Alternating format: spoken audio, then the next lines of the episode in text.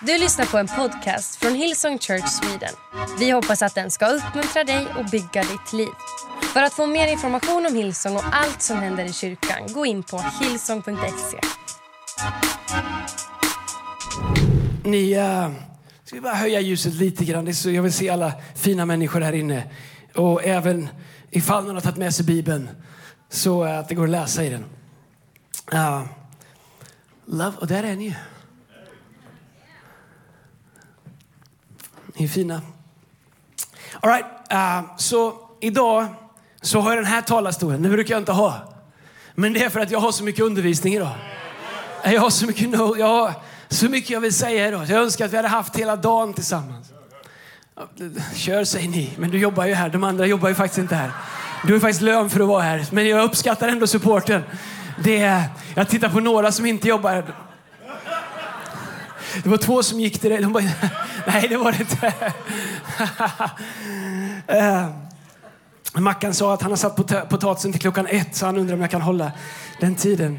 Uh, uh, men jag ska undervisa om den heliga Ande. Och jag skulle faktiskt vilja eh, ta lite tid och jag är glad att Casey hade den här förra veckan för då är det bra höjd på den. Ibland andra använt den, då är den lite låg. Um, jag ska undervisa om den heliga Ande och uh, här, här är vad jag egentligen ber Gud om. Jag kommer nog inte säga någonting om den heliga Ande som du inte har hört om du har varit med i kyrkan ett tag. Men Bibeln säger att det sätt som vi tar emot den heliga Ande är genom några olika steg. Och, och, det är inte bara någonting vi gör en gång. Men vi gör det genom undervisning. För undervisning leder till uppenbarelse och hunger. Vi gör det i, i tro. Vi gör det genom förbön. Och vi gör det genom att bestämma oss för att ta emot.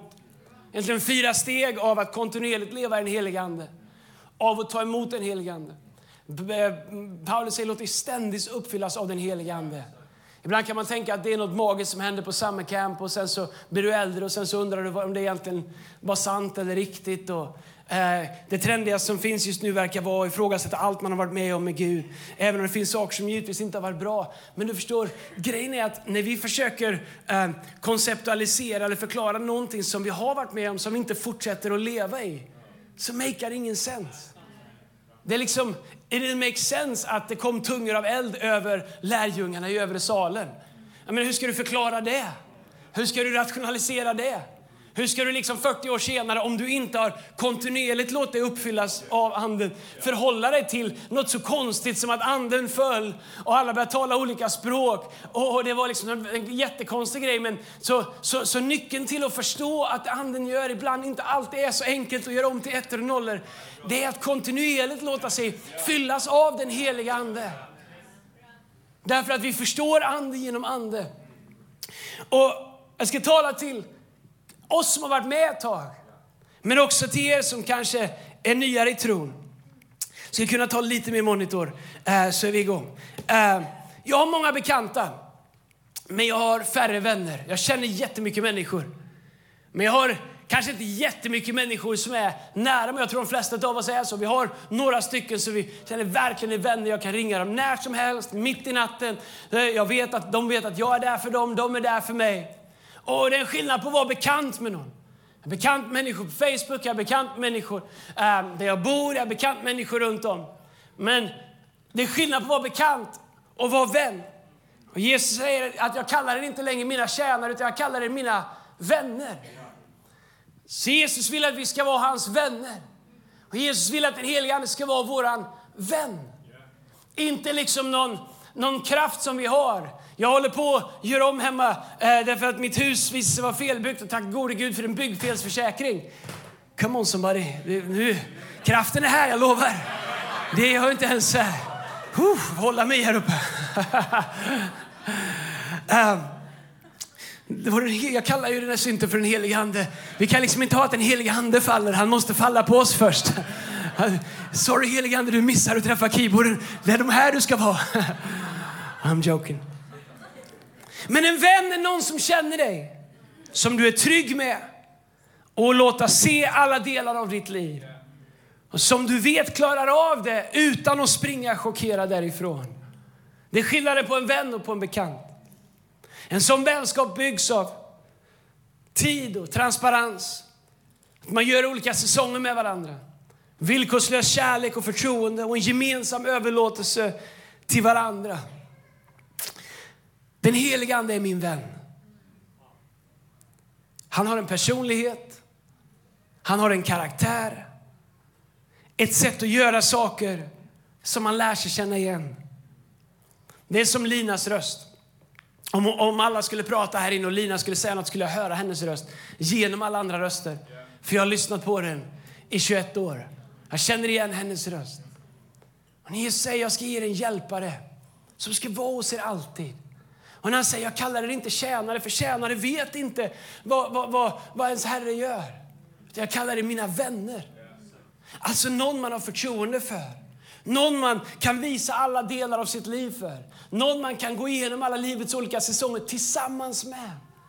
Religion säger att han är någon som vi kommer till och visar våra bra sidor, men det är inte alls vem Jesus är. Det är inte vem den helige Ande är.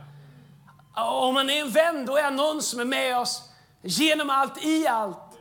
Vilket gör att vi kan komma till honom med allt, som vi är, där vi är. Att han alltid är vår källa, att han alltid är vår go-to. Att han alltid är dit vi tänker att men dit kan jag alltid gå. Dit kan jag alltid komma. Jag hade en lärare, oavsett hur arga de andra lärarna var på mig, och tro mig, det fanns anledning. Till honom kunde jag alltid gå. Han gav mig bara nyckeln till musikrummet och sa han sitter här och spelar resten av dagen så löser det sig. Jag tänker nog att i efterhand så tänkte han att det löser sig för de andra om du är här.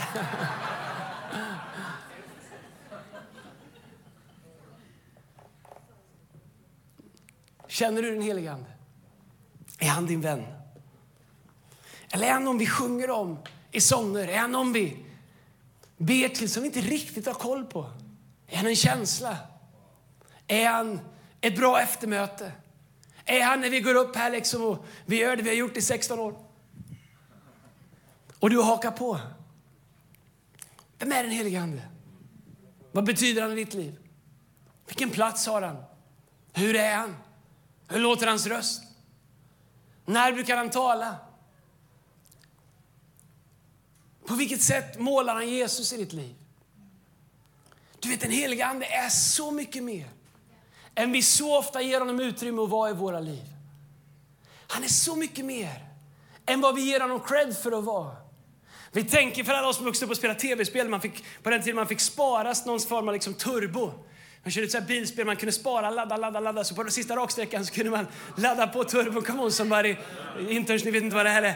Ni kan inte ens Steve Wonder-låtar. Men, uh, och så kunde man ha den sista turbon som man körde förbi. En del tänker att det är allt den helige Ande är. Att han är det liksom sista trycket.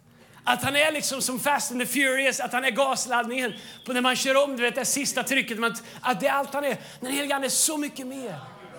Han är en vän. Nej, någon som är i oss, hos oss, med oss, som vet allt om oss men ändå vill bo i oss. Som söker vår uppmärksamhet, som är med oss.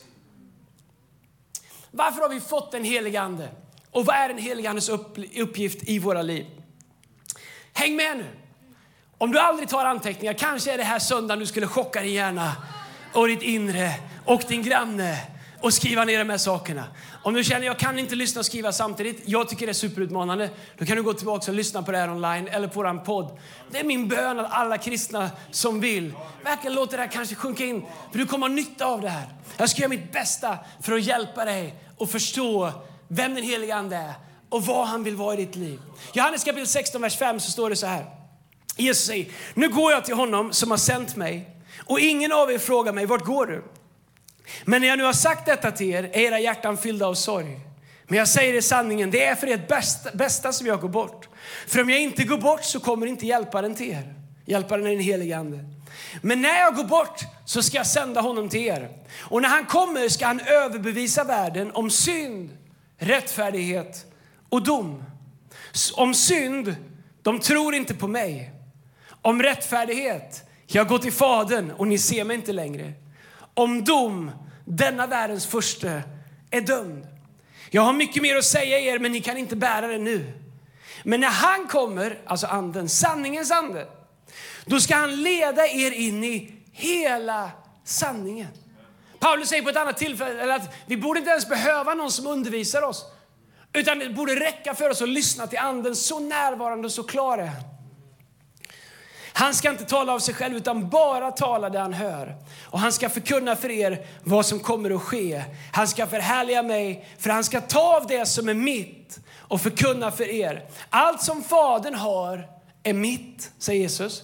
Därför sa jag att han ska ta av det som är mitt och förkunna för er. Så det är som att Jesus säger att allt vad Fadern har, det har jag, säger Jesus. Och jag ska ge den här hjälparen och han ska ta allting som finns hos mig och han ska ta det till er, hjälpa er att se det, förstå det, ta emot det, leva i det, använda det, lyssna på det. Så Andens roll är att göra Jesus synlig och, och, och tillgängliggöra allt vad Jesus är i våra liv. En bibelvers som jag älskar att citera, där Paulus säger samma ande som uppväckte Kristus från de döda är mäktigt verksam i oss. Alltså det är en powerline. Men om vi verkligen skulle tänka på vad det betyder. Att Jesus är död, Guds son är död, han har, död, han har spikats på ett kors, han är lagd i en grav, de har lagt en stor sten framför honom, han har varit död i tre dagar. Men så kommer anden, Guds ande, in i honom, gör honom levande, flyttar på stenen och han övervinner dödens rike. Och så säger Bibeln att samma ande, den anden, bor i dig. Och så undrar vi om Gud kan svara på våra böner. Och ibland tänker jag att Gud tänker när vi ber till honom, vad ber du till mig för? Alltså allt jag har, har min son Jesus. Och allt vad Jesus har vill anden ta och lägga i ditt liv. Varför ber du mig göra saker som du själv har tillgång till? Men när vi inte förstår vad vi har tillgång till så står vi och ropar. Det är ungefär som jag står bredvid en kaka i köket och istället för att ta den så säger jag Lina snälla ge mig kakan. Snälla Lina jag behöver en kaka. Snälla, men Bossan älskar kakan, han är bra på att baka kakor också. Förr när vi repar hade han alltid med sig nybakat. Men jag kan bara ta den kakan själv. Och ibland tror jag att Gud tänker, bara, du har ju allt. Du har tillgång till all den himmelska världens andliga Välsignelse enligt Efesierbrevet kapitel. Så vad vill den helige Ande göra i våra liv? Vem är den helige Ande? Fyra saker snabbt om vem den helige Ande är. Är det okej okay om vi kör ett bibelstudium? Eftersom jag tror att Anden alltid bekänner sig till ordet. Och vi ska förbereda här om en stund för människor som längtar efter att bli fylld på nytt av den helige Ande, påfylld av den helige Ande. Men jag tror att ordet är så viktigt. Därför att annars är det bara tjänster. Då kommer vi fram krampaktigt och hoppas att Gud ska göra någonting. Men ordet ger oss uppenbarelse. Uppenbarelse ger oss tro. Och tro gör att vi vågar söka. Och när vi söker säger Bibeln att vi ska finna och ta emot. Så därför kommer lite bibelord här. Vem är den helige Ande? Fyra saker om vem den helige Ande är. Ett, en hjälpare som Jesus har sänt oss. Om du försöker leva det här kristna livet i egen kraft så har du tagit dig an en uppgift som nummer ett är omöjlig, nummer två som du inte behöver. Jesus insåg direkt att det här går inte. Vi kan inte det här själva, vi klarar inte det här själva. Så han säger jag ska ge er hjälparen, han ska vara hos er alltid. Vers 7 så sa han i, i det vi precis läste i Johannes kapitel 16. För om jag inte går bort så kommer inte hjälparen till er. Men för Jesus han var på ett ställe i taget, eller hur? Men anden är oss alla samtidigt, omnipresent, ständigt närvarande, all, allstädes närvarande. Men när jag går bort ska jag sända honom till er. Så Jesus är en hjälpare som Gud har sänt. Han har sänt den en gång och han fortsätter att sända den och den finns i oss om vi låter honom bo hos oss alltid. Vem är den här hjälparen? Han är all vishets källa. Är det en svenska? Källan till all vishet. The source of all wisdom. Han är all källas vis.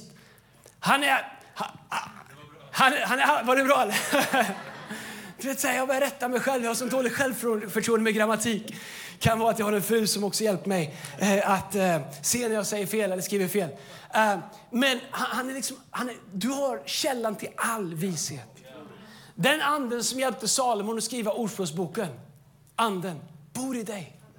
När du behöver råd, när du behöver vägledning, när du behöver kunskap, när du inte ser vägen. Du har tillgång till all vishetskälla, eller källan till all vishet, hur du än grammatiskt vill se på det. Så bor den i dig, hjälparen. När du inte vet vad du ska göra med ditt äktenskap. När du inte vet om du, vad du ska göra med ditt företag. Ska jag göra det? Ska jag göra det? Ska jag ta det här jobbet? Ska jag inte? Du har tillgång till den helige Ande. När du inte ser Jesus kan du säga helige Ande, ditt jobb är att visa mig Jesus. Vi sjunger en sång som jag älskar, eller vi sjunger inte, jag, vi sjöng den förr. Någonstans bland alla skuggorna finns Jesus. Men du förstår, även när han är i skuggorna så kan vi säga helige Ande, låt Guds ljus lysa. Jag vill se Jesus därför att hans jobb är att göra Jesus levande. Så nummer ett, han är en hjälpare som Jesus har sänt oss. Nummer två, vad gör han i våra liv? Vers 8 i Johannes 16 så läser vi, och när han kommer ska han överbevisa världen om synd, rättfärdighet och dom. Så Andens jobb är att visa oss, överbevisa oss om synd, rättfärdighet och dom. Och det kan ju låta lite sådär.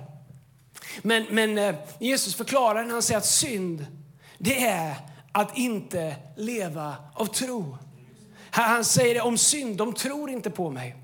Ibland tänker vi att synd är, um, synd är jag vänder mig fortfarande. Äh, ibland tänker vi synd är röka, kröka och alla de andra sakerna som rimmar på det. Det är synd. Men synd, essensen av synd är att inte tro på Gud. Det är också att inte tro på att Gud är dig den han säger att han är. Det är också inte tro att Gud kan göra i våra liv det han har lovat att han vill göra. Så den helige Ande är här för att hjälpa oss att säga hej, lev inte i synd. Lev i vad Gud har sagt. Att, att, att, visa oss. Det är inte så att han går runt och, du vet, så här, varnar oss. En del tänker att han är här för att överbevisa mig om synd. Du, vet, du vill inte ha med dig någon kompis som hela tiden vill tillrättavisa dig. Alla har någon, titta inte på dem. Eller hur? Men du vet så här, som alltid säger, gör inte så, gör inte så. Jag jag vet inte. Jag övningskör min äldsta dotter Sellis. Hon kör jättebra. Jag är lite av ett kontrollfreak kanske. Eh, och jag är inte säker på att jag är en bra handledare. Hon tycker att Lina är mycket bättre. Jag tycker att Lina kanske är lite slapp. Men jag tror att hon kanske är bättre. Jag vet inte. Jag har ingen aning. Jag tänker att jag har värdefull input att ge. Jag kör ändå en del bil. Okej? Okay? Men du vet så här. Santana, jag har lovat att vi ska övningsköra. Jag är inte säker på att det kommer gå bra, men, men eh, åtminstone så kanske du har mer respekt för mig än vad Sellis har. Eh, men du vet, så här, den helige ande är inte någon som går runt dig med en stor liksom, så här, du vet, tuta. Äh, jag var så Malmö slår Bayern i Svenska cupen, tänkte jag slänger in det.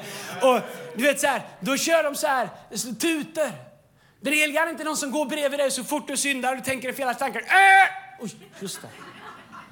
Och så kommer någon som jag och säger, hej släpp in den helige ande, han vill vara hos dig alltid. Och du tänker bara, hur går med sig tuta öron? Hans jobb är, nej, det är inte det. Han övervisar oss om synd genom att säga hej, lyft din blick, fäst den på Jesus. Lev inte i synd, alltså utan tro. Lev i tro på Jesus. Rättfärdighet, vad är det? Jo, att Jesus har gått till Fadern och framburit sig själv som ett offer för att vi ska få rättfärdigheten som en gåva. Jesus säger, jag går till Fadern och jag gör rum för er. Bibeln säger att Jesus står hos Fadern och manar gott. Han står och försvarar oss. Han säger, döm dem inte efter deras gärningar. Om de tror på mitt namn och bekänner mig som dör uppstånden, då har jag gjort dem rättfärdiga. Jesus, Gud säger, Jesus säger till Gud, Gud kom ihåg att de är rättfärdiga. Så anden är här för att påminna oss om, om att vår frälsning, vår rättfärdighet inte är produkten eller frukten av vår duktighet eller helighet eller i värsta fall skenhelighet. Utan att det är en produkt av att vi i tro har tagit emot Jesus i våra liv och därför gjorde han oss rättfärdiga. Anden är här för att påminna oss om, det var inte jag som fick det här att funka från början. Så om jag faller nu, vilket jag inte vill, men jag är mänsklig, jag kämpar mot mitt kött, så var det inte jag som gjorde mig värdig från början. Och det är inte jag som kommer göra mig värdig genom mina egna späkningar nu, utan jag är rättfärdiggjord genom Kristus Jesus. Och anden påminner mig om det. Han lyfter min spirit, han lyfter min blick, han lyfter min inre självbild. Han säger Jesus gav sitt liv för att han tyckte att ditt liv var värt att dö för. Du är någon, du är värdefull värdefull, du är viktig. Du är inte den du ser i spegeln, du är mer än så. Du är rättfärdiggjord i Kristus. Aha, jag hörde det var på gång. Aha. Vi ska börja ha så här, du vet, så här premiumplatser med stoppade stolar till de som kommer med sin tro. Jag ska bygga en egen rad här framför mig. Vadderade, du vet så här som de har på, man vill sitta i Falcon-soffan på hockeymatcher. Den sista är dom. Vad är det han dömer? Jo, att den onde är besegrad och att vi kan leva som övervinnare i Kristus Jesus. Min vän, du är en övervinnare. Allt förmår vi genom honom som ger oss kraft. Allt är möjligt för den som tror. I Kristus Jesus är vi mer än övervinnare.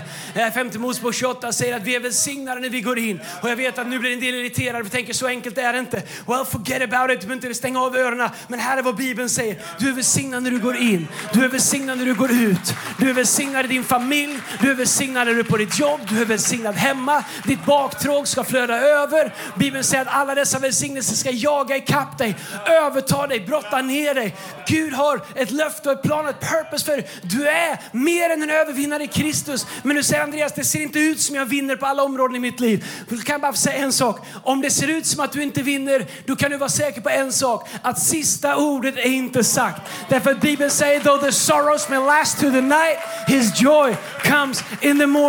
Om det ser ut som att du håller på att förlora, då kan du vara säker på att Gud har mer saker kvar som han kommer göra. Därför att vi är mer än övervinnare i Kristus Jesus.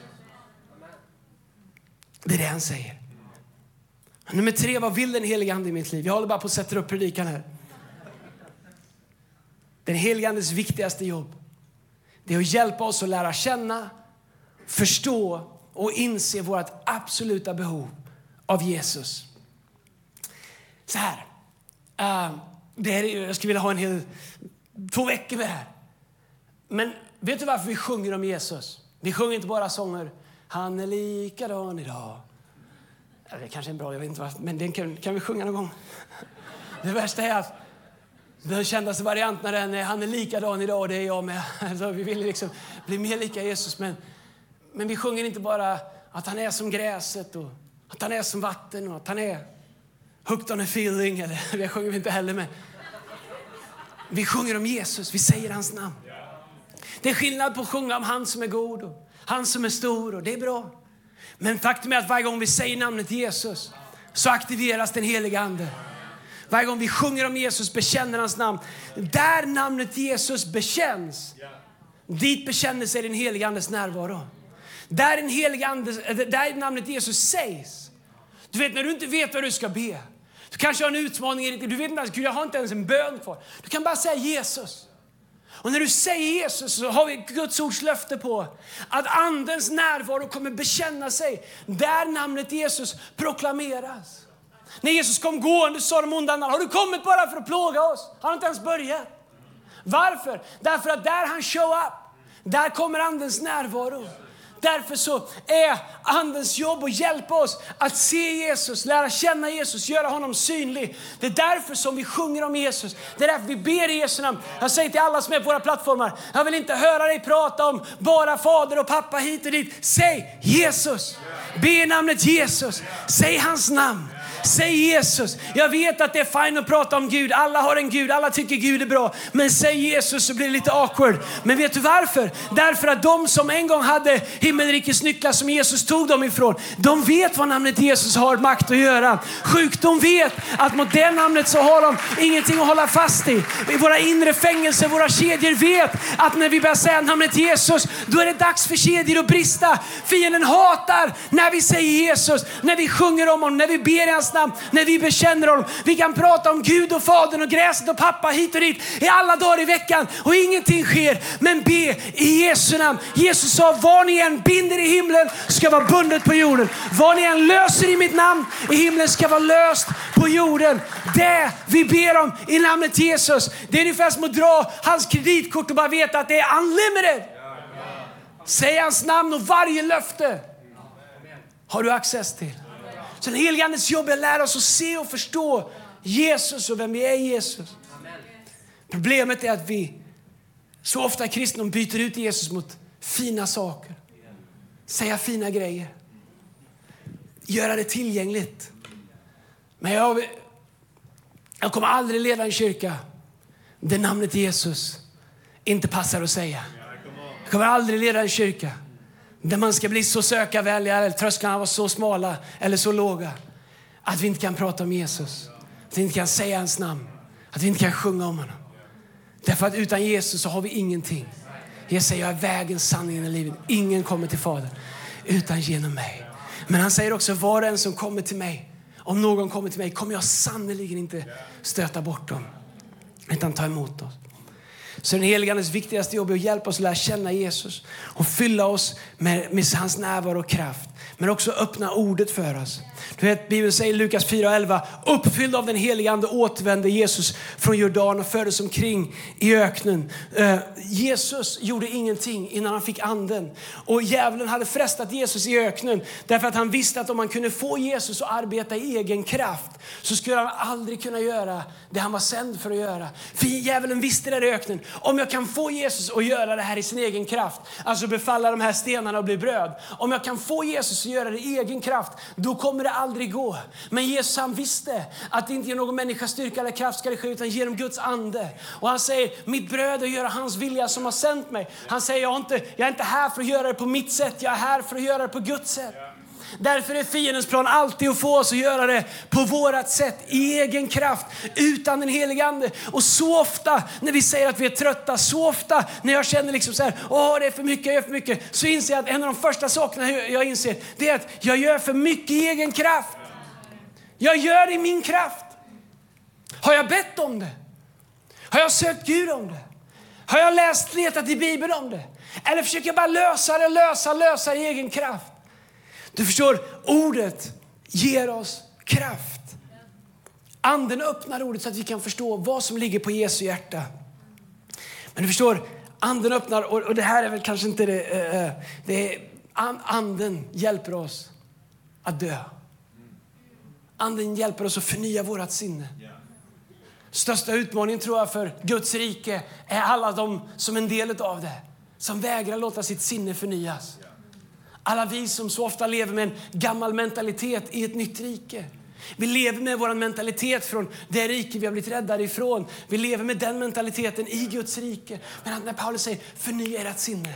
Låt er ständigt förnyas. Dö från ert kött, dö från stolthet, dö från era förrätter. dö från liksom det som är jag, mig, mitt och jag vill och, och, och våra kött och våra lustar och våra egotrippar och, och vår stolthet och allt det. Paulus säger dö bara ifrån det. Låt ert sinne förnyas ständigt, ständigt. Jag älskar pastor Casey Treat som var här förra veckan. Han har skrivit två böcker om att förnya sitt sinne som har förändrat livet med mig. De är fantastiska. Du förstår att lära sig att tänka Guds tankar, inte bara om andra men även om dig. Och det bästa sättet att, och ibland att jobba med saker på insidan, på insidan av oss det är att bara förstå och tro vad Gud säger om oss. Förnya vårt sinne. Den helige Ande visar oss Jesus och vad Jesus, hur Jesus vill använda oss. Första Korintierbrevet kapitel 12, vers 7 så står det men hos var och en uppenbarar sig anden så att den blir till nytta. Till nytta. När du ser den helige Ande göra massa grejer som inte är till någon nytta, då vet du att det bara är show. Den helige Ande vill göra nytta. Den helige Ande vill göra Jesu gärningar. Den helige Ande vill sätta oss fria. Den helige Ande vill hjälpa oss att se att Gud älskar oss. Den helige Ande vill påminna oss om att vi är rättfärdiggjorda. Den helige Ande vill göra nytta. Han vill trösta den som sörjer. Han vill vara nära den som har förlorat. Han vill gå genom, äh, Bibeln säger även om man vandrar genom Tåredalen gör du den rik på källor. Den helige Ande i våra liv vill göra nytta i oss och genom oss. När vi bjuder in den helige Ande i våra liv så, så helt plötsligt säger Gud, kolla där, där har vi någon som vi kan göra nytta igenom. Det är liksom inte så här superkristendom där du liksom så här, kolla vad jag har. Jag kan falla åt både höger och vänster och jag kan profetera och du vet så här, och vad man än säger. Jag tänkte, jag tänkte på det här. Oh, det där har Gud redan sagt till mig. Har känner du någon sån eller? Mm, det där har nog Gud faktiskt redan talat till mig om. Ja, jag har såna. Jag känner dem inte, de bara följer mig på Facebook. Um, men grejen är, den helige Ande är ingen superpower för oss att flasha med. Den helige Ande är en kraft för oss att betjäna andra med. Den helige Ande vill göra nytta. Den helige Ande, ju större kraft jag har, ju mer jag lever i den helige Ande, ju mer vill den helige Ande att jag ska bli en tjänare av Guds syften och någon som betjänar andra människor. Måttet vi mäter anden med i våra liv är hur mycket nytta gör jag i andra människors liv? Hur mycket nytta gör jag för Guds rike? Hur mycket nytta gör jag för det som Gud har? Är det, är det anden eller är det röken? Stäng av rökelsen tills eftermötet. Då tar vi myrra och rökelse och guldtänder och allt vi har. Vi har inga guldtänder. Jag har aldrig haft det. Det fanns ett tag jag tänkte jag behövde fixa men jag tänkte Gud om det där med guldtänder finns så tar jag gärna men det kom inga för att gå till tandläkaren betala som alla andra. Så hur får man den helige Ande? Låt oss avsluta med det här. Rörigt men underbart. Hur får man den helige Ande? Vi börjar där. låt oss gå in mot det som jag har bett att Gud ska göra i våra liv idag. Man får den helige Ande genom undervisning, genom tro, genom förbön och genom att ta emot det som att det vore en gåva. Ingen kramp, ingen förtjäning, ingen prestige, ingen press. Låt mig bara säga någonting om de fyra sakerna innan vi ber tillsammans. Nummer ett, undervisning. Jag älskar ett stycke i Apostlagärningarna kapitel 19, vers 1 där det står så här. Medans Apollos var i Korint kom Paulus ner till Efesos efter att ha rest genom landet. Det är så härligt med Bibeln därför att den berättar om resor. Bibeln är så fascinerande. Där träffar han några lärjungar och han frågade dem, alltså eh, Paulus, tog ni emot den helige ande när ni kom till tro? De svarade honom, nej, vi har inte ens hört att det finns en helig ande. Han frågar vilket dop blir ni döpta med då? De svarar med Johannes dop, alltså det vi döper i vatten. Pa Paulus sa, Johannes döpte med omvändelsens dop. och sa åt folket att tro på den som kom efter honom, alltså Jesus. När de fick höra detta döptes de i Jesu namn. Och när Paulus la händerna på dem kom den helige Ande över dem och de talade i nya tungor. Så här kommer nyfrälsta underbara människor, nydöpta. Vilket härligt dop vi hade på Cirkus. Vi har förresten dop nästa vecka. Om du inte är döpt i vatten, lyssna det bästa du kan göra. Det är vägen in i allt som Gud har för dig. Så här kommer nyomvända lärjungar, efterföljare till Jesus. De kallades de där som höll sig till vägen. De där som följde, de som gick på vägen. Jesus sa vägen, sanningen och livet. Här kommer de och Paulus kommer till dem och säger, hej, vilket dop döptes ni med? Och de bara, vadå vilket dop? Finns det fler? Paulus bara, har ingen berättat för er? Har ni inte fått någon undervisning? Nej, nej, vi tog emot Jesus och trodde på honom så vi döpte oss med Johannesdopet. Så Paulus han tar en stund för och säger, det är bra. Punkt ett, ni har nått första station. Så börjar han undervisa dem om andens dop. Och efter undervisningen så lägger han händerna på dem och ber att anden ska fylla dem. Så att de kan ta emot den helige ande som gåva. Så att det som saknades i deras liv var undervisning om att det dopet fanns. Vad anden var. Undervisningen öppnar, leder alltid till nummer två, till tro. Undervisning ett, tro två. Ta upp keyboarden här, jag måste få ihop det här. Kom här, Holy Spirit. Samla ihop dina grejer då. Eller vem det nu är.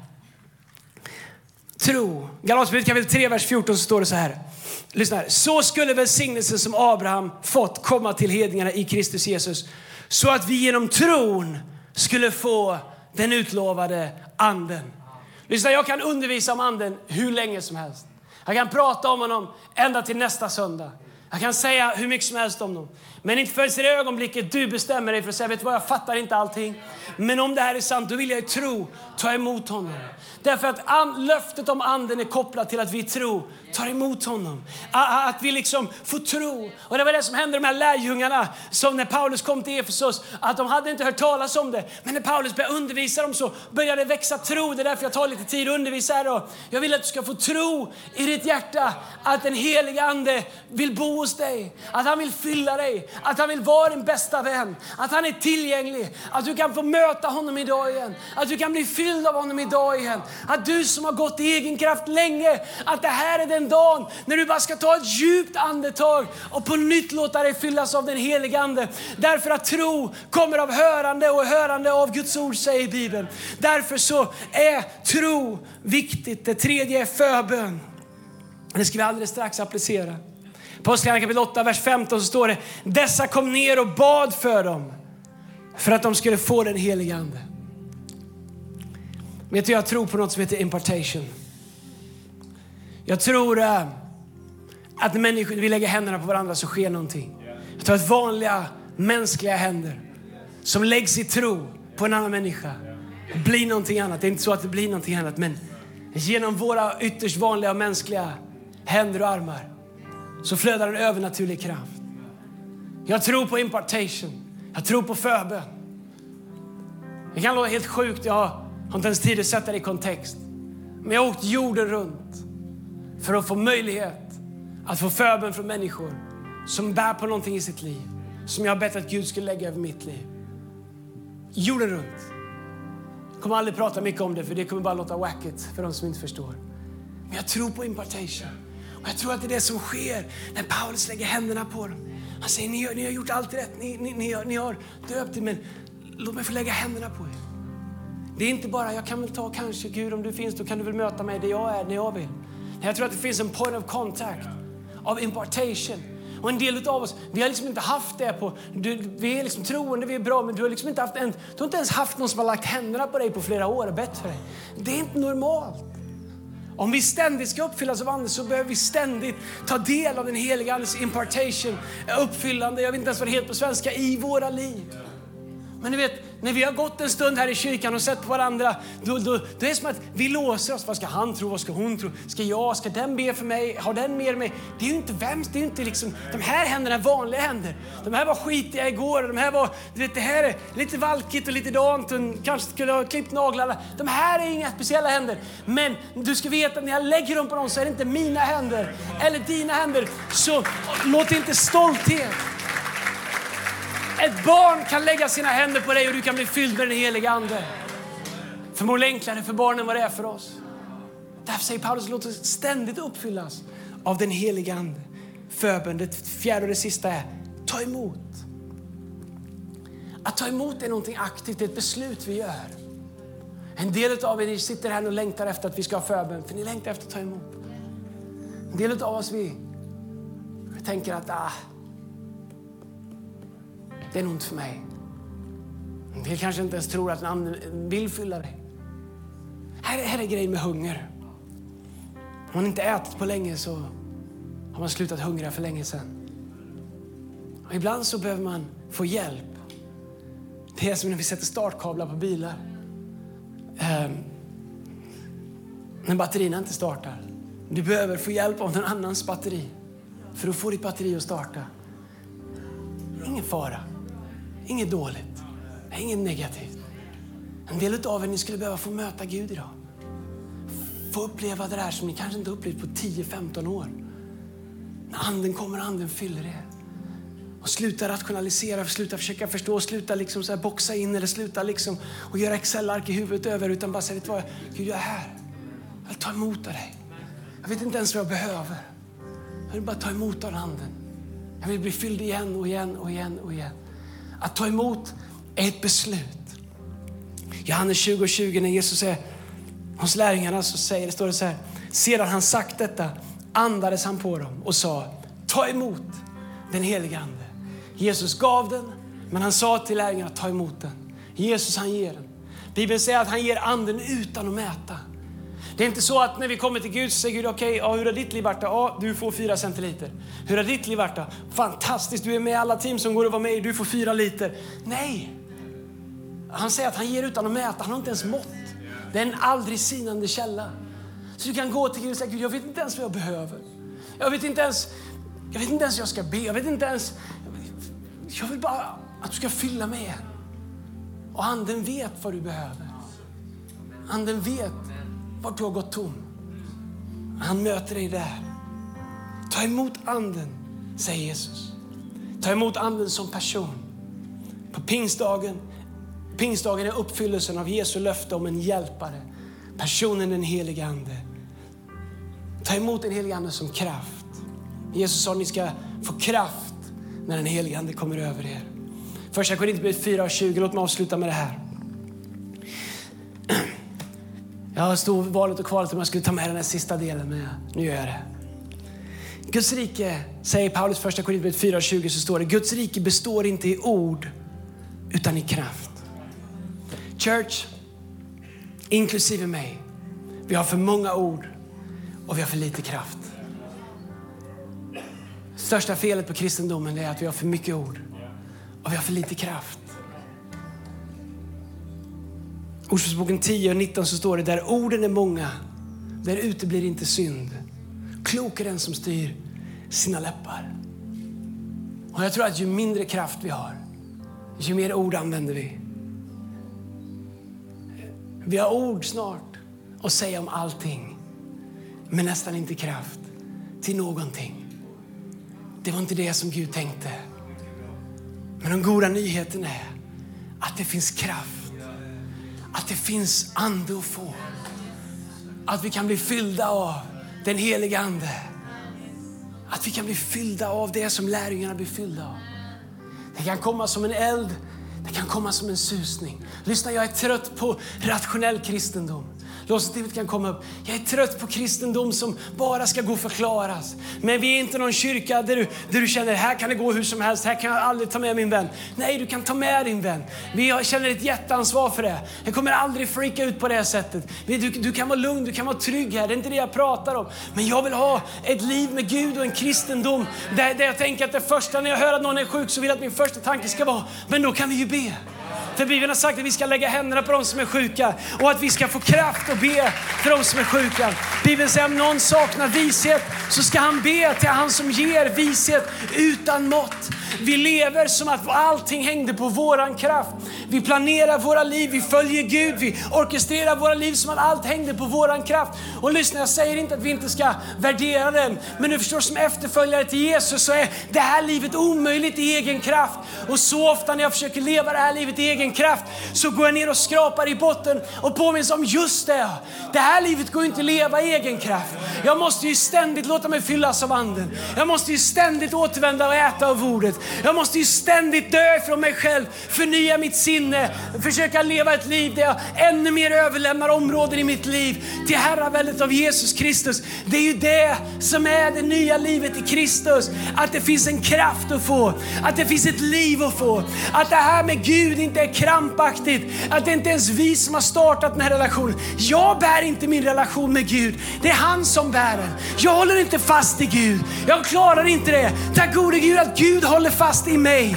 Att anden och pingsten är löftet, att det kom en kraft som håller mig, som bär dig, som inte släpper taget, som inte ger upp, som ser igenom vår mänsklighet och ser bortom den. Att vi har en försvarsadvokat i Jesus som manar gott för oss. Att vi är friköpta genom Jesu blod, inte genom blod av bockar och getter, utan genom det rena Lammets blod.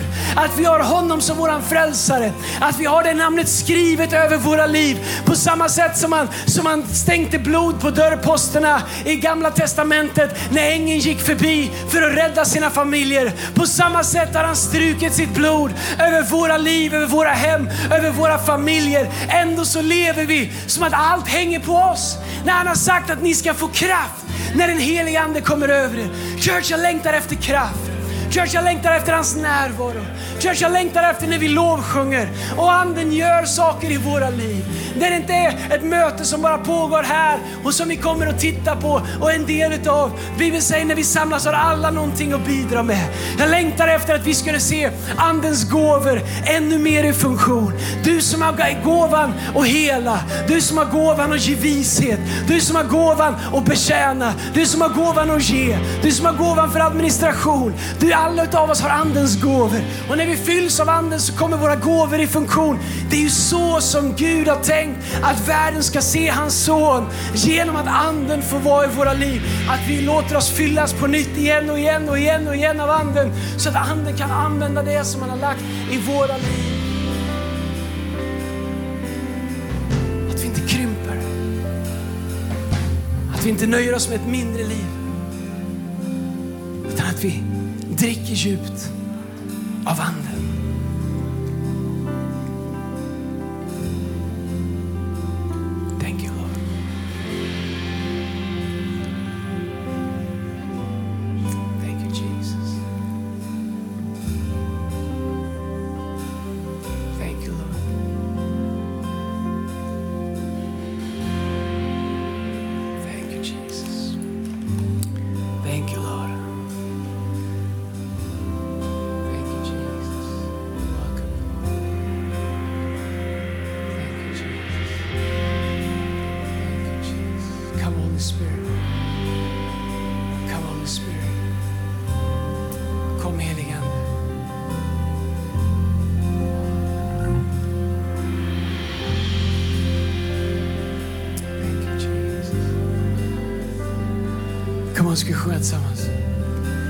Vi stå upp tillsammans?